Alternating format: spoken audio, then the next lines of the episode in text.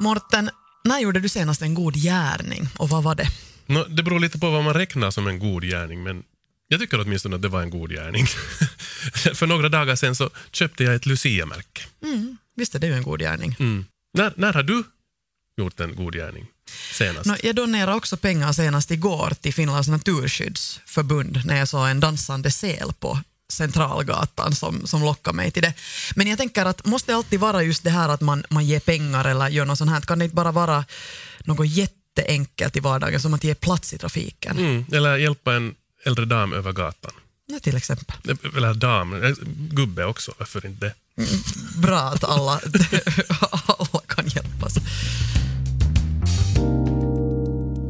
Ni lyssnar alltså på Efter nio radio här i Yle Vega tillsammans med mig, Morten Svartström och med Sonja Kailasari. Hej. Hej. Hej igen. I det här programmet alltså som vi brukar utmana våra gäster, eller så utmanar de sig själva att i en vecka testa på att leva på ett annorlunda sätt, att bryta en vana eller bara ändra på någonting i sitt liv så att imorgon har möjlighet efter sju dagar har kommit till en insikt. Mm. Och idag ska vi tala om att göra goda gärningar i en hel veckas tid. Och den som har uttag, eller antagit den här utmaningen är riksdagsledamot Silvia Modig. Mm. Och lite senare i det här programmet ska vi också få träffa och diskutera välgörenhet tillsammans med Sabina Bergholm. Hon jobbar för kyrkans utlandshjälp, men hon har också grundat fyra egna barnhem i Indien. Tänk på det. Mm, gjort en massa gott både där och här. Men uh, nu ska vi inleda med att lyssna hur det låter till när Silvia är hetluften, det vill säga när hon argumenterar för sin sak. Först från riksdagens frågetimme och sedan från den stora valdebatten från i våras.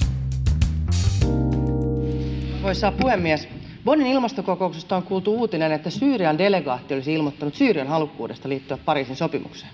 Kun Nicaragua on jo allekirjoittanut sen, niin näyttää siltä, että me ollaan tilanteessa, jossa Yhdysvallat yksin ainoana maana on jäämässä Pariisin sopimuksen ulkopuolelle. Vi tar i den ordning som ni bad om ordet, det var Silvia först. Tyvärr när du sa att det här vi ju alla ens om vad Marit sa, så tyvärr är vi ju inte. Regeringen har just beslutat att nedskära 70 miljoner från åldringsvården, så vi är ju inte ens om de här värdefrågorna. Men jag tycker det här Ville tog upp nu, nu med det här liksom att ha närstående och ensamheten. Att om man har närstående så har man människor som slåss för dig i systemet. Du har, man har människor som slåss för dig och kräver att du får den service som hör till dig. Men sen när du är ensam, så då skulle det vara samhället som skulle göra det för dig. Riksdagsledamot Silvia Modig, hjärtligt välkommen. Tack ska ni ha. Här hörde vi dig som sagt lite i, i hetluften, eller det som ni brukar göra, ni politiker. Det är ju liksom lite det där vi brukar göra. Ja, argumentera för sin sak. Kan man säga att, att uh, en politikers uh, arbete ganska långt går ut på att göra egentligen goda gärningar för det finländska folket? Ja, det tycker jag. Och jag tror på det att över partigränserna så, så känner människor lika alla tror på sina egna liksom idéer och, och, är helt säkra på att försöka främja sådana liksom beslut som skulle vara bästa för människorna, som skulle göra vårt samhälle bättre. Mm. Och det är ju det som alla försöker göra, fast vi ibland är helt osams om att, vad är slutresultatet. Men, men det är ju liksom det och jag vill tänka att det är hur alla andra också tänker. Och jag tror att det är hur största delen tänker. Mm. Nåja, men nu till den här uh, utmaningen som du alltså ja. antog. Du antog att göra en god gärning ja. om dagen i en veckas tid. Um, före vi frågar hur det har gått så måste vi fråga varför ville du anta den här utmaningen? För, för det första så trodde jag ju att det är lätt. Jag tänkte att det är jättelätt att göra en god gärning varje dag. Så det var kanske en utgångspunkt. Och sen var det att, att, att det finns så många bra saker hur man kan göra goda gärningar. Det är ju som ni sa själv i början att det behöver inte handla bara om pengar, det kan handla om någonting helt smått, något litet man gör mot den, den andra människan i vardagen. Så tänkte jag att det är någonting positivt sådär under julen, en bra tanke för oss alla. Mm. Och du sa nu att du trodde att det skulle vara lätt. Ja. Men hur har det gått då? No, alltså det var ju svårare än jag hade tänkt mig, för att hitta just de där liksom det finns ju sådana självklarheter som att, att ge pengar någonstans eller som jag sa tidigare, jag känner att mitt arbete är att göra goda gärningar varje dag. Men det där att hitta den där enstaka människan som man kan göra en god gärning åt, så det har lett till det, att det är säkert en massa åldringar i den här staden som är helt livsrädda för mig. För att jag har liksom följt dem där vid butikkassorna, tittat sådär frågande och följt hela vägen väg till dörren för att se att dörren öppnar sig själv. Vet du, när jag försökt hitta den där situationen var jag kan öppna en dörr eller ge plats och det har bara liksom kommit en naturlig situation till det. Men det som det ledde till är det att jag har påmärkat liksom andra människor på ett annat sätt. Vet du, man börjar söka den där människan som man skulle kunna göra en liten sak åt. Så börjar man liksom titta på andra människor. Att, hej, hur mår den där människan? Orkar den där människan lyfta sin vet du, matkasse? Eller skulle den där människan behöva hjälp med dörren? Eller skulle jag kanske kunna göra det? Att man börjar titta på ett helt annat sätt. Att ofta sitter man ju bara med sin egen telefon vet du, i bussen och inte ser så där mycket uppmärksamma andra människor där runt omkring. Så det var liksom en sån där aha för mig. Men menar du att du sådär till vardags annars inte så mycket sysslar med sådana här goda gärningar? Nå, jag vill tänka att jag är människa som sysslar med goda gärningar. Jag, är, eh, jag ger varje månad pengar till en massa organisationer och om någon ber mig komma med på någon, vet du, välfärd, någon konsert eller någon sak var man gör välfärd så jag går alltid med gratis om jag bara kan och om jag känner att jag kan ge någonting till till det. Men sen när man börjar tänka på sin vardag så in, nu är man ju ganska egocentrisk. Att du tänker liksom sådär mera på mig själv. Att, att inte stannar jag på varje, vid varje människas vet du, som sitter på gatan och ber pengar. Inte stannar jag vid varje av dem och funderar att vitsi du har en svår situation. Utan jag går liksom vidare. Och, och det var liksom sånt som jag märkte den här veckan. Just och sen det. har det ju mycket att göra med ens tidtabeller. Att, att om man sen har liksom bokat sitt liv fullt med ens egna val och ens egna viktiga möten och saker, så det blir inte så mycket mera tid kvar att ta hand om någon annan. Du har också fört dagbok under den här veckan. Och tänkte, jag tänkte att vi skulle lyssna till eh, ett första klipp med dig. Det här är från dag tre. Och eh, här är du ute på stan och försöker hitta en så kallad fejsare. Eh, det här måste jag ta reda på vad det var. Det vill säga, det är en medelanskaffare som, närmare, som eh, närmar sig potentiella givare face to face. Är det inte så? Va? Det är så, visst fanns det människor som inte vet vad fejsare är? Det, det finns såna, Ja, ja, som jag. nu finns det inte mer. Visst, det ja. låten Nej, jag visste, öppnade jag visste inte heller det här uttrycket. Aj, ja, vad vitsen och bra att ni öppnade. Ja, no, men nu, ska vi låta, nu ska vi höra hur det, hur det lät när du försökte hitta en fejsare. Idag har jag beslutat mig för att mitt goda som jag gör idag, usch vad det är eländigt väder. Uh, jag tänker gå och söka en fejsare, någon sån organisation som jag inte ännu stöder. Det kommer att vara svårt för att jag stöder säkert över 10 eller 15 olika organisationer. Men det är min missio idag att hitta en fejsare. om Det här vädret är så eländigt att inte vet säkert någon ut på gatorna. Okej, nu har jag hittat en fejsare och det är Unicef och det var en överraskning åt mig när jag gick igenom listan vilka alla organisationer jag stöder. Så Unicef fanns inte på listan, den var så självklarhet. Hi, I found a You are in Finnish it's called Feissari, that you are here on the streets trying to find donators for, for UNICEF. Yes, Please tell correct. me sh- in short, uh, what does UNICEF do? What do we do? We are the United Nations Children's Fund. We save children's lives around the world by collecting monthly donations from governments, corporations, and the wonderful general public, being generous. And, and how, how is this work? Is it hard to find people to give donations? Well, I've been out here for about two and a half hours now. I've got one donation. I've probably asked about 200 people just to say hello. Okay, Uh, well, this is my good deed today. I'm gonna sign in. And you are my favourite person, as today is my first day on the job as well. Perfect. so let's, happy days. Let's take the papers. Okay, let's do it. We get underneath somewhere? where Yeah. Där hörde vi alltså Silvia Modig ute på stan och som lyckades hitta då en fejsare. Det vill säga alltså det är en, det är en person som bara står med en sån här bössa eller, Ja. eller, eller en, en Ja, någonting försöka, som, ja, och sen kan du skriva under och så donerar du varje månad Mm. den summan du väljer som du kan ge varje månad. Och det är ju liksom för så- olika organisationer, så det är ju liksom det viktigaste. Att inte få en gång om året en stor pott pengar, utan veta att man får varje månad en viss summa. Så då kan man planera sitt arbete och allt den organisationen vill göra på ett helt annat sätt när man har sån liksom, som på finska skulle man säga pitkäjänteisyys. Så nu är du med på deras lista så Ja, att säga. Och nu ger jag 12 euro i månaden och det skulle borde hjälpa till att två barn ska få äh, rent vatten i ett år. Tänk så lite pengar egentligen. Det För att det. barn ska få rent vatten. Är det inte? Det här, han sa ju här också att han, han har stått där i två och en halv timme och eh, en person hade skrivit på under den här, han hade frågat 200 personer. Ungefär så här.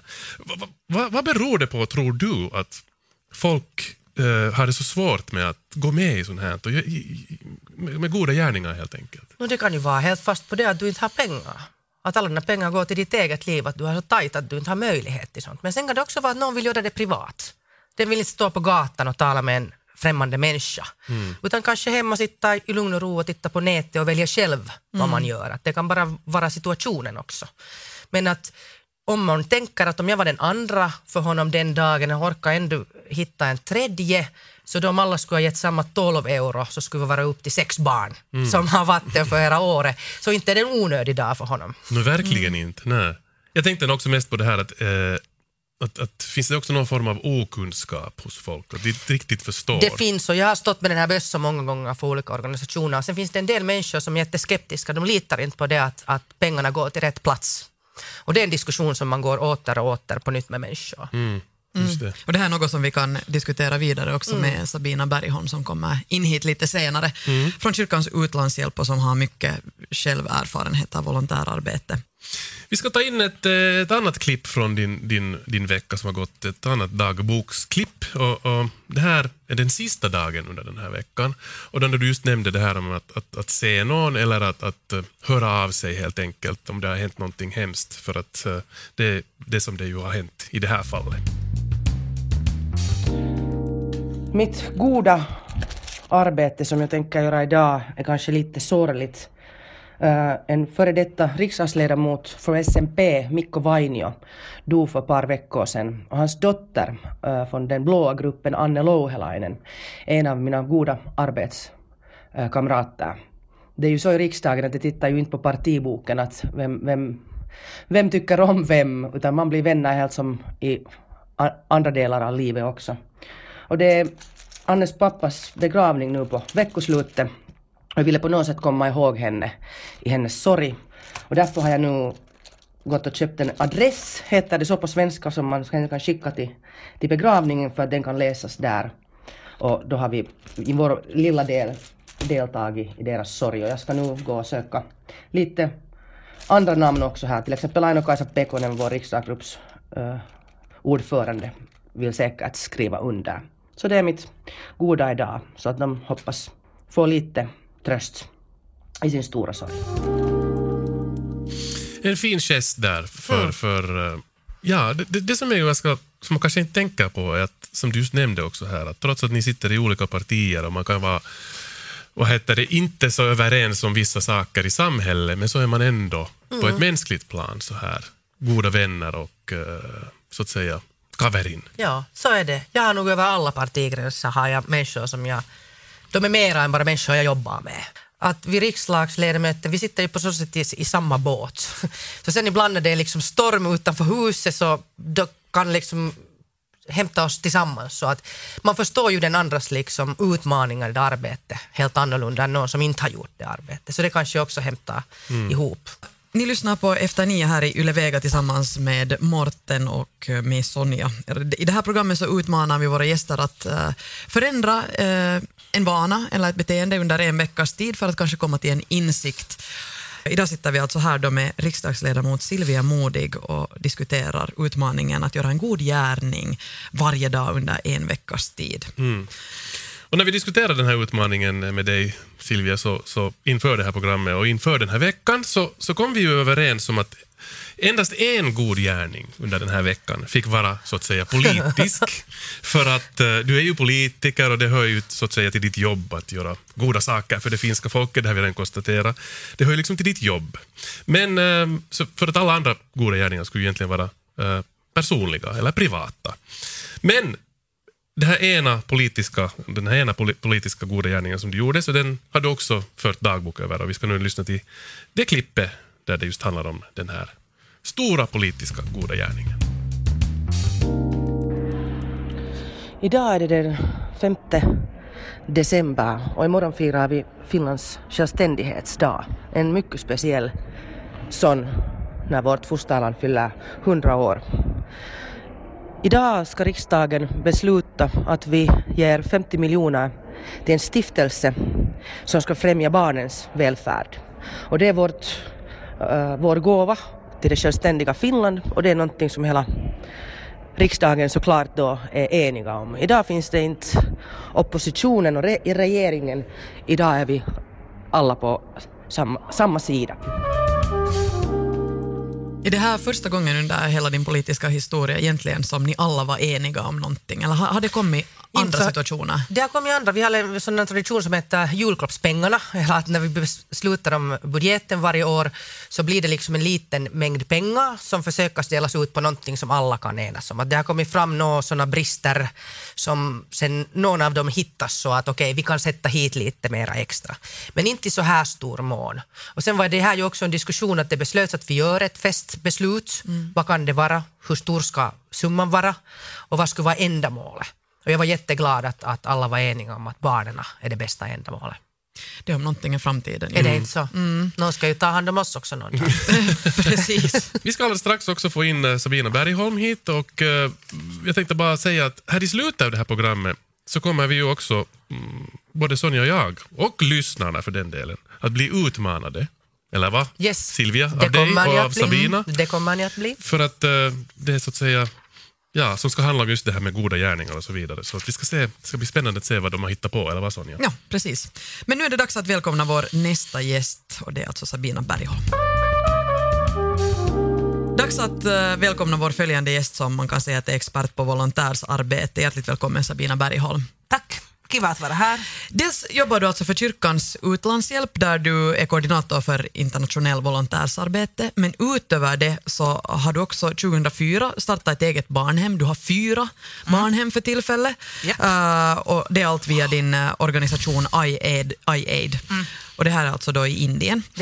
Uh, före vi går in på din egna bana och allt det vad du har gjort, så hur skulle du vilja kommentera vår diskussion här med, med Silvia tidigare och Silvias utmaning?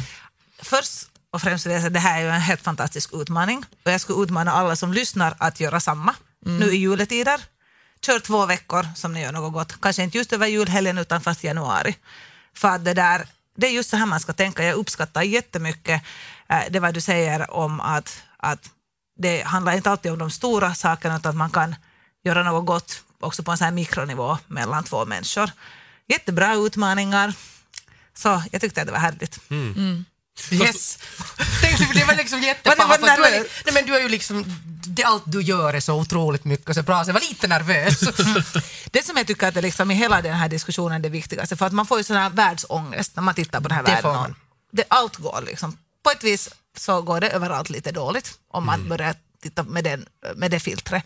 Så det som jag tycker att är det viktigaste är det att ingen kan hjälpa hela världen, men alla kan hjälpa någon och någonting. Det som jag skulle tänka att det liksom kärnan i det hela är det att uh, jag är inte den som ska säga att vem, vad alla ska göra, utan alla ska hitta sin egen grej. Och för mig förstås så handlar det om, om u-länder, det handlar om barn och människorättsfrågor främst som jag liksom satsar på. Men för det kan det vara sådana djur, för det kan det vara natur, det kan vara natur, liksom klimat eller det kan vara finska vattendrag. Och i alla, för alla så att säga, saker som ni brinner för, som ni vill hjälpa, så finns det alltid en organisation som man kan engagera sig till. Och det behöver inte alltid handla heller om pengar, utan det kan handla om just att ge det som man har. Och det som är trendigt nu i bistånd och i så här välgörenhet är det att, så att inte alla behöver göra samma. Du Silvia sa också att du har varit och, och samlat in pengar med börs jättemånga gånger. Och det är ju ganska kämpigt. Du var också talat Ja. med fejsaren. Jag tycker Ja. det är fantastiskt att du får och liksom jaga en fejsare. Det är de som brukar gå, det brukar gå tvärtom. Jag tycker det var en briljant. Unicef-gosse måste ha varit helt förbryllad. Och så, Okej, ibland så här.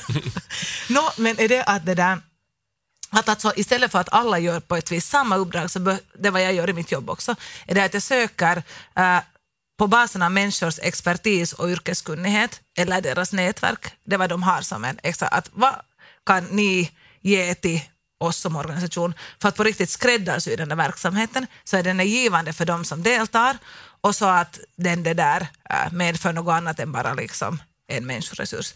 Och det är jättetufft och det är jättesvårt och det är framtiden och det är jättesistigt. För sen när man hittar det där att, att vad vill Mårten göra, vad är det som du kan, expert, kan du vara expert på och sen hittar vi att var kan du, hur kan du tjäna de som har det sämre via det som är din styrka. Mm, mm. Det, det, jag måste ställa samma fråga åt dig Sabina som jag ställde åt, åt Silvia här också. Att, vad tror du att det beror på att folk är så dåliga på det här med goda gärningar och eh, välgörenhet?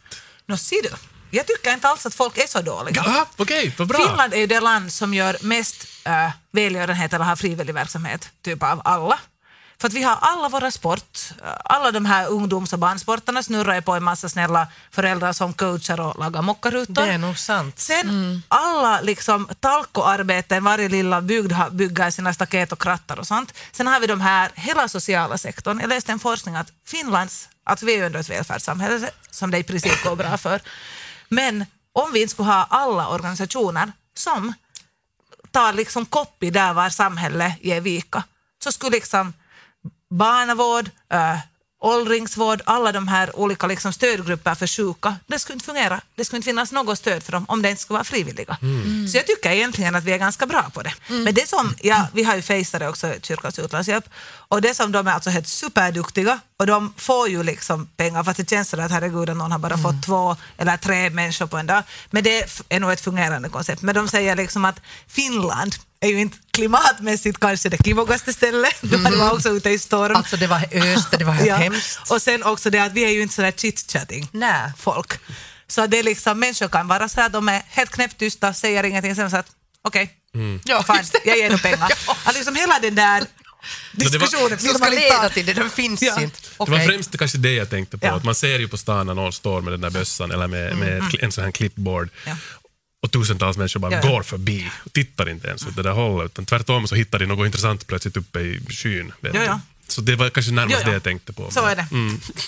Ursäkta, ja, du skulle säga något. Nej, nej, nej ingenting. Uh, jag började tänka på det här just som du, du sa att vi egentligen är ganska bra på att, att hjälpa och, och det här med, med talkoarbete. Det är väl till och med så att talko är ett helt finskt ord. Det finns ju inte egentligen ett, ett, ett liknande begrepp i andra språk. Och det betyder att vi är liksom färdiga att hjälpa varandra. Men vi ser det som en självklarhet kanske. Det? Sådär. Men det är också Men det är ju en god gärning. Precis. Berätta lite Sabina själv om din, din väg till, till det vad du sysslar med idag och, och hur det kom sig att du 2004 grundade ett eget barnhem i Indien.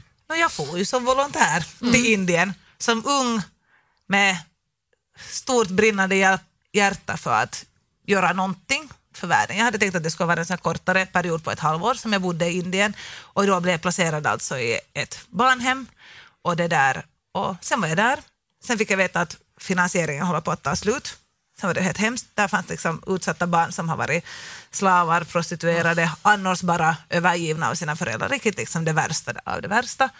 Och sen hade de just då fått komma till trygghet och fått ett hem och före, fått börja sin skola och sen tanken på att de då inte att de skulle bli utkastade på gatan. Då var, jag var alltså då 24, skulle fylla 25 och sen var jag så att nej, det här går inte. Nej, det går inte, nu måste vi göra något.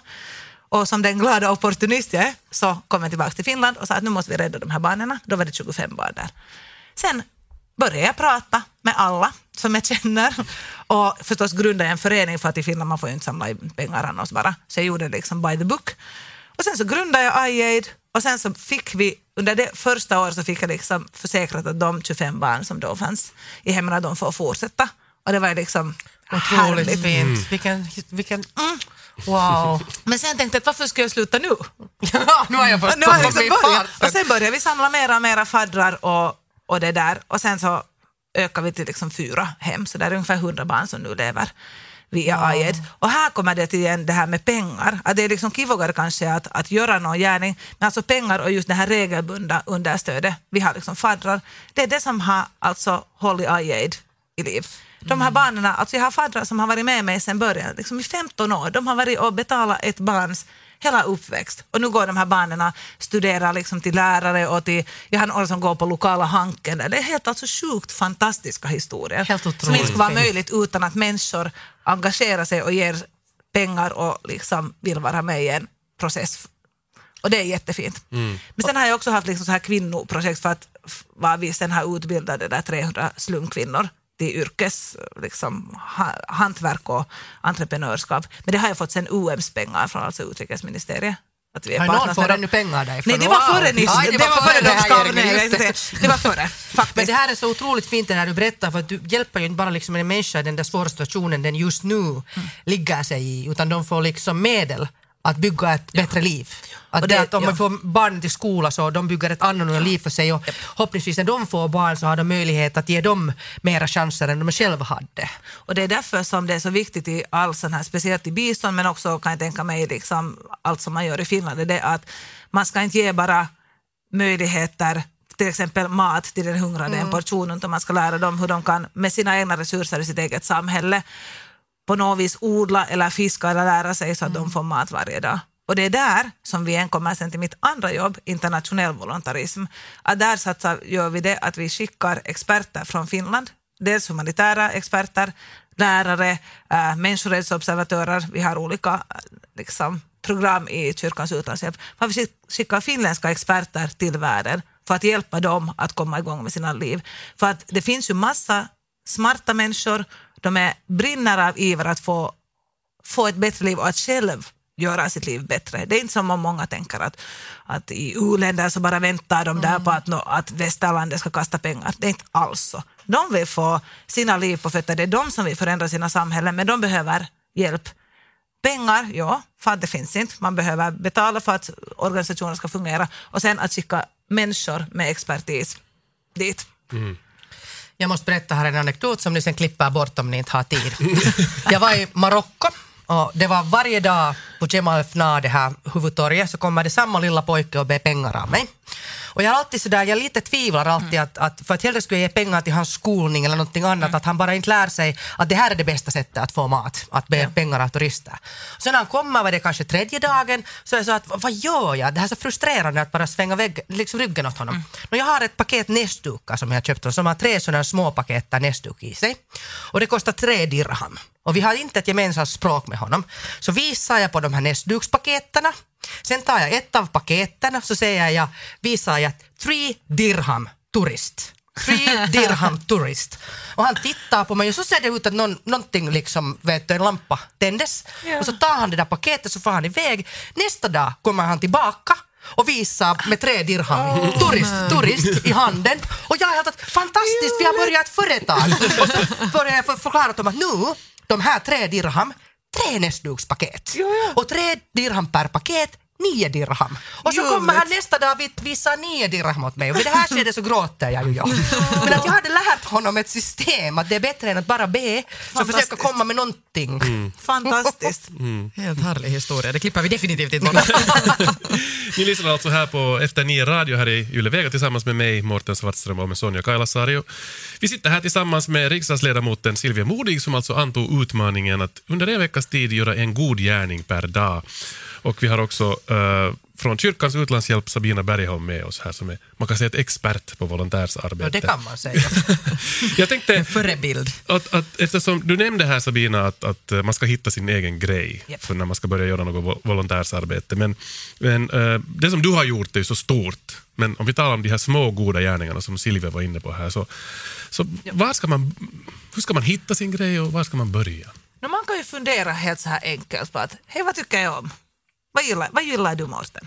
Eh, Det får vara vad som helst. Vad som vad som helst. helst. Kasta ut vad som helst. ehm, god mat? Okej, fantastiskt. Du gillar god mat. Är du bra på att laga mat? Mm, det ska jag säga. Ja. Då kan du till exempel, det finns massa grupper, till exempel vet jag att uh, via Martorna så ordnas det till, eller vid flyktingförläggningarna ordnas det att uh, de som har kommit just till landet behöver hjälp med hur man ska överhuvudtaget laga mat i Finland, hur man går till butiken och köper. Du kan bli en av deras stödpersoner som Okej. fast en gång i månaden eller börja med en grupp som ska komma igång med att hur man ska koka och laga i Finland. Sen hjälper du dem. Sen lagar ni måltider tillsammans och samtidigt så talar du, om du kan finska, så kan du tala för det är kanske mer praktiskt att lära sig. Och lär dem lite ord, finska matord och sen gör du en otroligt viktig god gärning som får dem på fötter och integrerar dig i samhället. Okej, det Okej. här var Helt jättekonkret. Sen tar vi Ja. nästa, Sonja. så här är det, man, det, det finns äh, det. saker för alla. Ja. det. Jag, jag funderar på det här, jag har ju en hund som är jättesocial och så här. Jag tänkte att jag kunde ju egentligen liksom utnyttja henne och, och, och, och pigga upp kanske Jättekul. någonstans. En Och där- folkgrupp. Ja. Där finns det ju dels liksom kan man vara då, uh, stödgrupp om vi då tar vad som helst, fast åldringar eller uh, det finns också ungdomar och barn som behöver stöd, smarta vuxna eller sen då igen ett flyktingfamilj eller åldringar. Och sen tar du din söta hund och din söta du och sen börjar du bara hänga med dem. Ja. Och det finns ett så här, beroende på igen hur mycket tid man har eller inte har, så finns det alltså ett system. Tänk så ljuvligt om då ett utsatt barn i Finland, någon som inte har några andra vänner, som känner sig helt utanför i samhället, får hänga fast varannan torsdag eftermiddag med dig och din hund. Ni går ut och går och så. Det fins, det finns stora syster och storebror-verksamhet. Så det kan du till exempel göra. Det låter jättebra. Jag tycker om den här idén om att, att, att ge tid, för det, den blir också Ja. så konkret att du ser ett resultat kanske Ja. just i stunden. Någon som är, är tacksam eller har roligt bara. Det räcker ju också bara det att... att Och, och det säger många liksom, organisationer som talar med människor som behöver olika former av hjälp, att det är det som alla behöver. Man behöver någon människonära. Man kanske får den där maten, det, är liksom, det nödvändigaste om vi talar om Finland. Men att ha bara en människa som är där för, som lyssnar på en, som håller en i handen, som visar sin hund och sen kan man lite leka med den. Så här riktigt små saker. Och det är när man tänker på människor som kommer till Finland som till exempel kommer från jättesvåra, svår bakgrund, svår, svår situation. De har ju ingen, de känner ingen, de har inte en enda kompis. Vet du vad jag menar? Så till exempel vad vi gjorde i min, min grannskap när det kom, och vad heter vastaanottokeskus nu sen på svenska? Mottagningscentral. Mottagningscentral. Så vi funderade på, det fanns en massa unga minderåriga där också. Att vad, vad ska vi liksom göra? Det, var, det togs in vet du, massa, vet, till exempel mm, hygien, saker, vet du, deodoranter, shampooer för att hämtas dit. Men det kändes sådär jätte, att göra någonting som människor, vi, så vi får dit med en fotboll. Och så liksom knackar vi bara på och så visar vi på en fotboll och vill ni komma med? Och så Yes. går vi alla och så spelar vi fotboll. Och, det, och så får de liksom kompisar, de känner sig, vet du, att här finns människor som jag kan umgås med. Och sen de, det är många som ju inte har tid och det är en liksom Just jag kan inte engagera mig för att jag har inte tid. Nå men, jag har ju en lösning till det också. Du är helt otrolig! för att jag vill bara att människor ska göra något som man måste hitta lösningar. Nu finns det ju sociala medier, det finns massa uppdrag som man kan göra från sin egen soffa. Liggandes i sina svettiga kalischer så kan man ändå rädda världen.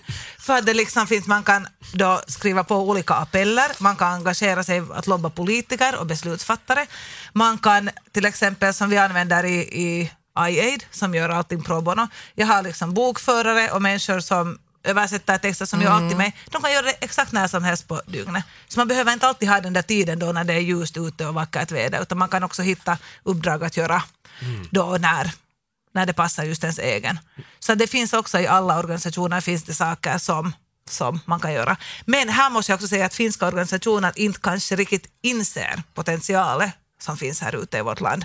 Att de måste också, tycka jag, mera skräddarsy och erbjuda och hitta de där lösningarna. Att, och det tycker jag kanske jag ska utmana alla de som är jobbar inom föreningar, att ni kan också skärpa er. Mm. Och se att vara var för lite mer kreativa lösningar på vad man kan göra. Men nu skulle jag vilja gå tillbaka till dig Silvia. Aj. Får jag? Ja. För att du är ju ändå politiker. Ja. Det är mycket ord och mycket sånt men ganska lite action. Och du gör saker också. Du engagerar dig och du gör vid sidan om och det tycker jag är helt fantastiskt.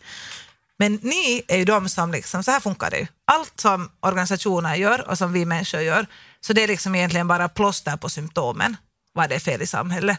Och ni är ju de som beslutar. Och där tycker jag att dels liksom så ska du utmana dina riksdagskompisar. Du sa just trevligt att du har vänner över partigränserna och det är ju säkert så det att liksom ännu mera våga sig ut och lyssna på folket och inte kanske i de där politiska sakerna som ni har på er agenda utan mer så här tvärtom att komma, fast alla far till en förening och säger men vad har ni på hjärtat?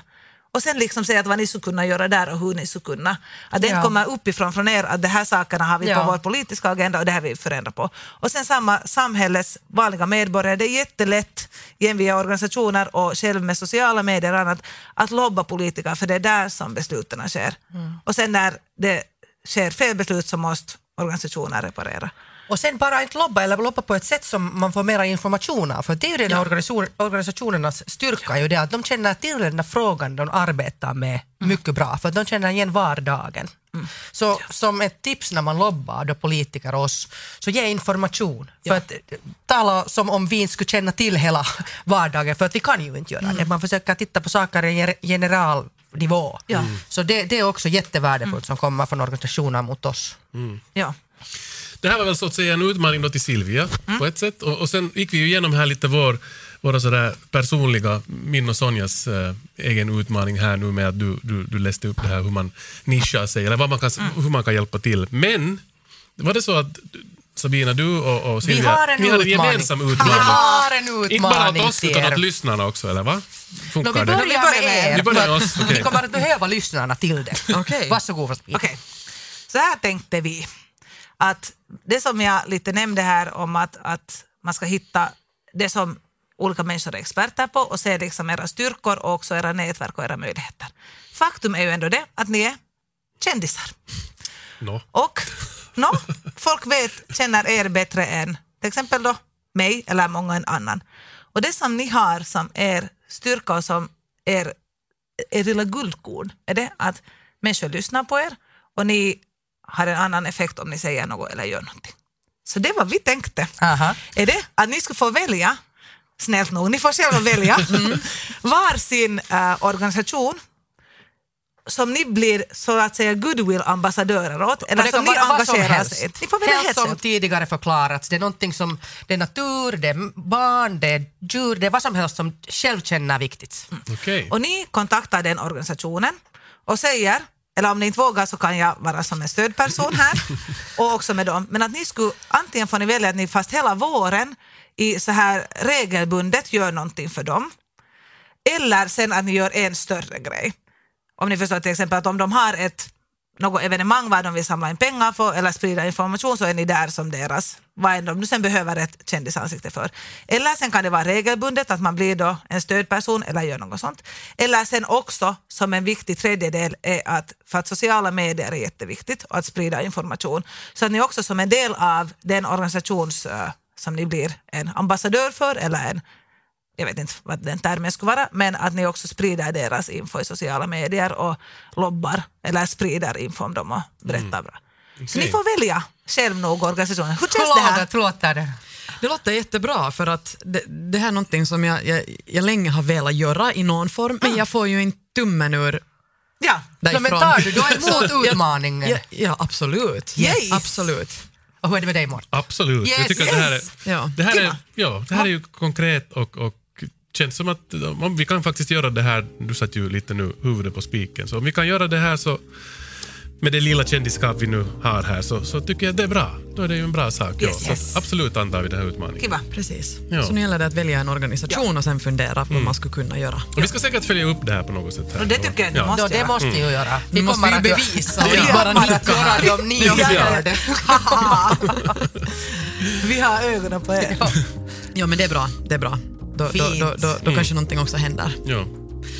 Men tack till er för det här. Tack, för alla Tack fina gärningar och goda gärningar. Och, och fortsätt med det, men ni lyssnare också, ni med, Ja. så att säga. Och god jul ska vi också säga, både Silvia och Sabina. Absolut. God jul. God jul åt alla. Och en riktigt god jul också till våra lyssnare. Ni har alltså lyssnat på Efter Nio Radio här i Yle Vega tillsammans med Sonja och med mig Mårten. Och vi hörs igen nästa gång. Ännu en sista gång den här, det här året. Uh, Eh, sen är det ju ja, nytt år och nya utmaningar. Men en sista gång ännu före, före det nya året ska vi höras. Vi ses och hörs. Yes.